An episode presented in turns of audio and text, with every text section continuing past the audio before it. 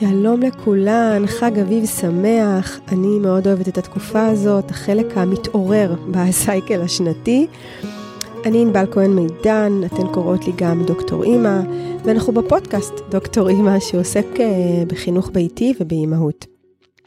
עוד רגע נתחיל, רק אני רוצה לדבר על משהו חשוב, קטן. קיבלתי השבוע כמה הודעות ממאזיני הפודקאסט ששאלו אותי אם אני מציעה ליווי אישי. אז אני רוצה להגיד לכם שכן, אני מציעה ליווי אישי בזום או פיזית ברעננה. הרבה מכן כבר פגשתי, אתן לרוב אוהבות להגיע עם בני הזוג, ואני מאוד אוהבת לפגוש אתכם. זה המקצוע שלי, אני יועצת חינוכית, וכל המחקר וההתפתחות המקצועית שלי הם החינוך הביתי. אה, בעצם הסיטואציה שבה משפחה בוחרת לגדל את הילדים בבית, לא לשלוח לגן ולבתי הספר. אה, כי ההקשר הזה של החינוך הביתי הוא מאוד נישתי וספציפי. אפילו אם למשפחה יש סוגיה שיושבת באזור של יחסים בין אחים, כל כך רלוונטי שהאחים האלה גדלים בחינוך ביתי. רלוונטי בהתייחסות למקרה ובהתייחסות למשפחה, טוב, זה יוצא לי ארוך מדי. אה, שורה אחרונה, אני מציעה ליווי אישי, יש לי גם קורס דיגיטלי מקיף על כל עולם החינוך הביתי, וגם הרצאות זום live אה, שאנחנו נפגשים. וזהו, אני אצרף לפרק אה, לינק לאתר, ושם יש את כל המידע. אנחנו מתחילים. הזירה החברתית בחינוך הביתי. הזירה החברתית בחינוך הביתי היא, אני חושבת, מעל לכל ספק, דורשת התייחסות מיוחדת. אני יכולה להגיד שהורים בהתלבטות שלהם לגבי החינוך הביתי מוטרדים משני נושאים. האחד הוא איך הילדים ילמדו, והשני, איך יהיו להם חברים. אלו שני נושאים גדולים ומשמעותיים. אה, אנחנו לא נדבר היום על למידה, אולי אני אקליט על זה פרק בנפרד. אה, אני גם מזהה שנושא הלמידה הוא, הוא אמנם משמעותי, אבל הוא גם, הוא גם יותר פתיר. הורים משתכנעים מהר מאוד שהילדים שלהם לא יהיו בורים ושהם ירכשו השכלה וידע, כי כבר כולנו מבינים באיזשהו אופן שבית ספר הוא לא אה, סוכן הידע היחיד ואפילו לא המרכזי ואפילו לא הרלוונטי ביותר בתקופה שלנו. אז כשאני יושבת מול הורים ונגיד שני הנושאים האלה מטרידים אותם, אני מזהה שהנושא הלימודי מהר מאוד אה, נרגע, ואז בעצם הסוגיה החברתית אה, תופסת מקום יותר גדול. ובעצם אני יכולה להגיד שהזירה החברתית היא יותר מבעבעת. ואתם לא תשמעו ממני שזה שטויות, והם מסתדרים, ופותחים להם את הדלת והם מוצאים חברים. לא, אני לא אגיד לכם את זה. העניין החברתי דורש מאיתנו, ההורים, התארגנות ותשומת לב. לפעמים זה הולך יותר בקלות, ולפעמים יש חריקות. נתחיל מהעובדה הפשוטה שכולנו היינו בבית הספר. העולם החברתי שלנו, ההורים, התנהל סביב בית ספר. זה מה שאנחנו מכירים. גם אם אין לנו חוויות חיוביות מתקופת בית ספר, הלא מודע שלנו מחבר חברים, חברויות, כישורים חברתיים, את כל הסל הזה לشه... לשהות בבית הספר. ולנתק את החיבור הזה זה לא פשוט. אה, ויש עוד אקסיומה כשגדלנו עליה, והיא קבוצת השווים. שזה בעצם חברים בני אותו גיל. זה הפך להיות מין הסמן, המדד, הנורמה, אה, שילדים אמורים להסתדר עם בני גילם. ויש כל כך הרבה מחקרים אחרים שמעידים בדיוק להפך, שדווקא אה, המחקרים האלה עומדים על היתרונות הגדולים שיש לקבוצה רב-גילאית. אבל אה, מאוד קשה לנתק את החיבורים האלה בראש שלנו. אה, כי כשאנחנו מדמיינים אה, חגיגת יום הולדת, אנחנו מדמיינים ראשים של ילדים באותו גובה. אם אנחנו מדמיינים ישיבה במעגל אה, עם גננת, אז אנחנו מדמיינים בני אותו גיל, והגננת מקריאה סיפור או whatever. ואנחנו גם מדמיינים כיתה, ובה בטח כולם באותו שנתון וכולי וכולי. למה אני אומרת את כל זה? כי חשוב שנכיר את התבניות שמנהלות אותנו. הן מנהלות אותנו גם בלי שנהיה מודעים להן וגם בלי שנרצה. אם אנחנו מנתקים את הגן ואת בית ספר, בכלל את המסגרת, מהחיים שלנו, אז מתעוררת בהלה שהיא מוצדקת. קשה מאוד בחלל ריק להבין שייבנה פה איזשהו עולם חברתי, כי מאיך, מאיפה, מאיפה יגיעו החברים, איפה הוא ייפגש, איפה הוא אה, יתחכך. ויש המון מושגים שמאיימים עלינו. הזכרנו את קבוצת השווים, וכישורים חברתיים, ותהליכי חברות, וכל מיני תפקידים שיש לילדים בתוך הקבוצה הזאת. וזה עוד לפני שהזכרתי שאנחנו חיים בתרבות החבר'ה, ויש הרבה יותר מקום ויראה לאנשים שהם אה, חברותיים כאלו, שהם טיפוסים של להקות, של קבוצות, שהם אוהבים את החבורה, שהם מסתדרים בחבורה, שהם קולטים את הקודים החברתיים ומרגישים שם בנוח. אנחנו כחברה פחות מעודדים ופחות אוהבים לראות אמ, ילדים שהם יותר סוליסטיים, אה, אפילו שמספיק להם, ילדים שמספיק להם חבר או שניים, וטוב להם. זה באיזשהו אופן עובר לנו בתרבות שלנו פחות טוב בגרון. משהו שמרגיש לנו לא מספיק, לא מספיק בשל, לא מספיק מחובר, לא מספיק חברותי, לא מספיק כזה, אנחנו מאוד מאוד מודדים את זה. אמ, מאוד מבאס שזה ככה, אבל זה באמת, מה שחשוב לי זה שנראה את ההקשר התרבותי ונסלח לעצמנו על המקומות האלה. אני חושבת שאם אנחנו ערים לזה ומתבוננים על זה באופן הזה, זה באיזשהו אופן יכול גם לרפא את המקומות האלה. אבל אני גם לא רוצה שתיווצר בטעות התחושה שילדים בחינוך ביתי הם יותר סוליסטים. ילדים בחינוך ביתי יכולים להיות סוליסטים, אבל הם גם יכולים להיות טיפוסים של להקה.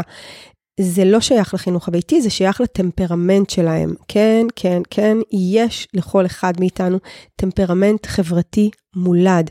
נכון שיש פה שיח גדול ומעובה במחקר של תורשה סביבה סביב העניין הזה. לא ניכנס לאזורים האלה, אבל לפחות נכיר בזה ונכבד את זה, שכל אחד מאיתנו נולד עם טמפרמנט חברתי מולד, והוא שונה. אנחנו שונים אחד מהשני. אין איזושהי נורמה או סרגל שאנחנו, מדד כזה שאנחנו אמורים אה, להגיע אליו או להתיישר לפיו. אה, ויכול להיות שמסגרת מסוימת פחות מתאימה לטיפוס כזה או אחר, אבל אנחנו לא, לא את זה נפתח עכשיו. אנחנו עוסקים בעולמם החברתי של ילדים בחינוך הביתי. אני מאמינה שלנו ההורים יש תפקיד מרכזי בעניין הזה. אה, האחד הוא להשתדל מאוד לנקות את עצמנו מכל מיני תבניות שמפריעות לנו. דיברתי על זה עכשיו בתחילת השיחה שלנו. דבר נוסף הוא ההזדמנות להכיר ולכבד את הילד שלנו, לאמוד את הגרעין שלו, את הטמפרמנט שלו, את הרצונות שלו. להיות בקשר באופן הכי אנושי ופשוט עם מצב הרוח שלו, ולזהות איפה טוב לו ומה עושה לו טוב, להשתדל מאוד מאוד לא לשפוט את זה, אלא יותר להיות במקום של התבוננות. זה יעזור לנו יותר בחלק הפרקטי של לייצר לו את הסביבה. אם אנחנו מנקים את המטענים שאנחנו מגיעים איתם, אז יותר קל. זה לא, זה לא הופך להיות פשוט, אבל זה יותר קל. אה, והחלק הפרקטי הוא לייצר הזדמנויות חברתיות, וזה אומר להתחבר לקבוצות, לנסוע ולהסיע, וזאת עבודה. אגב, גם אם הילד שלי סוליסט, ויש לו, החבר הכי טוב שלו נמצא במרחק של שעה נסיעה, זאת גם עבודה. גם להפגיש אותם פעמיים, שלוש בשבוע, זה חלק מהתפקיד שלי. אני ממש רואה בזה כחלק מהעבודה שלי, מהעבודה האמהית שלי כאימא בחינוך ביתי. ואתם יודעים איפה העבודה הכי קשה? אפרופו ילדים סוליסטים, היא להכיר בזה שיש, הזכרתי את הילד שלי, אז אני יכולה להגיד שאני, אחד הדברים שיותר אתגרו אותי ועזרו לי להתפתח באופן בלתי רגיל, זה להכיר בזה שיש לי גם ילד שלא רוצה ולא זקוק לקרנבל מפגשים. הוא רוצה חבר או שניים והוא מסתדר מצוין וטוב לו, גם בנוכחות של אח שלו נגיד, ועוד חבר או עוד בן דוד, ולשחרר את זה. וזה אפילו יותר מורכב. כי אם אנחנו מגיעים במשך שנה, או שאפילו יותר, כמעט שנתיים, למפגש שיש שם המון ילדים בני גילו, והם משחקים בחבורה וכדורגל ו- וכל מיני משחקים חברתיים כאלה, והוא לא אוהב את זה. לא מתחבר, זה מלחיץ אותו, זה מכווץ אותו. אני חייבת לסמוך עליו, כי אני מזהה את הפריחה החברתית שלו במקומות אחרים. ואני מזהה את הכישורים החברתיים המאוד מפותחים שלו. כשהוא במנוחה, שטוב לו, כשהוא מרגיש בטוח.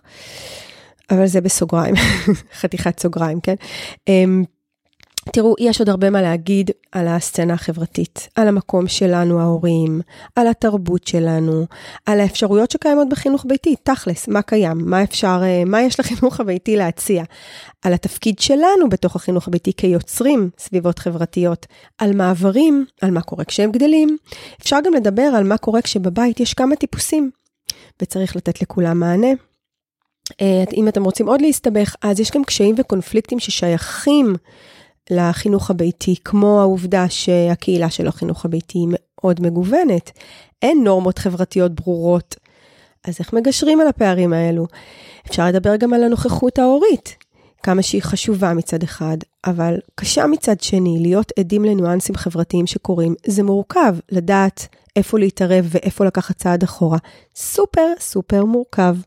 ועוד ועוד דילמות שמיוחדות לחינוך הביתי ומייחדות את הסיטואציה של החינוך הביתי. הזכרתי את המרחק של הנסיעה, אז יש לי גם ילד שיש לו שישה חברים מאוד טובים, אבל כולם במרחק נסיעה של 40 דקות לפחות, בלי פקקים, כן? אבל, אה, אבל אני לא רוצה שתצאו מפה מיואשים, ממש לא. אני מאמינה שחשוב לראות את הדברים וחשוב לדבר עליהם ולהכיר בהם. ואני לא צריכה למכור לכם את נפלאות הבחירה, נכון? אבל אני רוצה להיות זאת שתדבר איתכם גם על הקשיים והמורכבויות, כי בחוץ לא ממש מבינים אותנו, נכון? אם קשה, אז תשלחו, היא תפרח בגן, יהיו לה שם מלא חברים.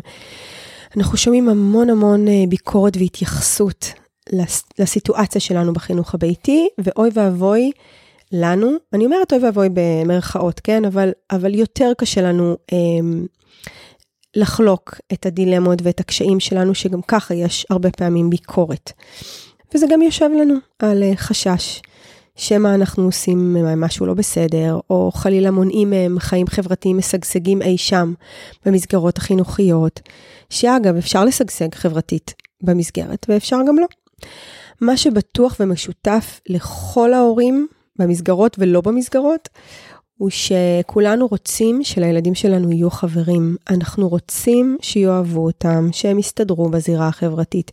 זה חשוב לנו, ואנחנו, אני חושבת שכולנו עמוק בפנים יודעים כמה קשר טוב עם חברים, או עם חבר אפילו, הוא משמעותי. משמעותי מאוד לתחושת ה-well-being, לתחושת האושר. חיבור טוב עם אנשים הוא חשוב לנו, הוא משמעותי מאוד. אנחנו פה כדי להתחבר, אני, אני מאמינה בזה ככה. וגם, אה, אתם יודעים, זה מעניין, כי גם מחקרים מראים שהדבר הכי חשוב להורים בהקשר לילדים שלהם זה חברות. כל הנושא החברתי. זה מגיע אחרי בריאות. אה, ואחרי החברות, אגב, מגיעה ההשכלה והלימודים, אז אה, שימו לב להיררכיה המעניינת. וזהו חברים, הגענו לסוף הפרק, וזה הזמן שלי לספר לכם שבעשירי באפריל 2023, כן, אני לא יודעת מתי תשמעו את הפרק הזה, אבל בעשירי לרביעי 2023, יום שני, בשעה שמונה וחצי בערב, אני עולה בזום live להרצאה בדיוק בנושא הזה, חברים וחברויות בחינוך הביתי. ומעבר למידע, לחיבורים מעניינים שאני עושה, לפתרונות יצירתיים שאני מציעה, מעבר לכל זה, אנחנו נפגשים ב live ואחרי שעה של הרצאה ומצגת מאלפת שהכנתי, אתם תוכלו, אה, אנחנו נישאר ואתם תשאלו שאלות, דברים שמעסיקים אתכם בסיטואציה הזאת. אז בואו, בואו, יהיה משמעותי. ואני יודעת שזה חול המועד פסח. אני לא יוצאת לקמפינג בחופשת פסח, ואני מאמינה שיש עוד כמוני שבזמני עומס דווקא יותר מתכנסים בבית. זהו, תודה שהייתם איתי. אנחנו נתראה בפרק הבא או ב- ביום שני בהרצאה. ביי.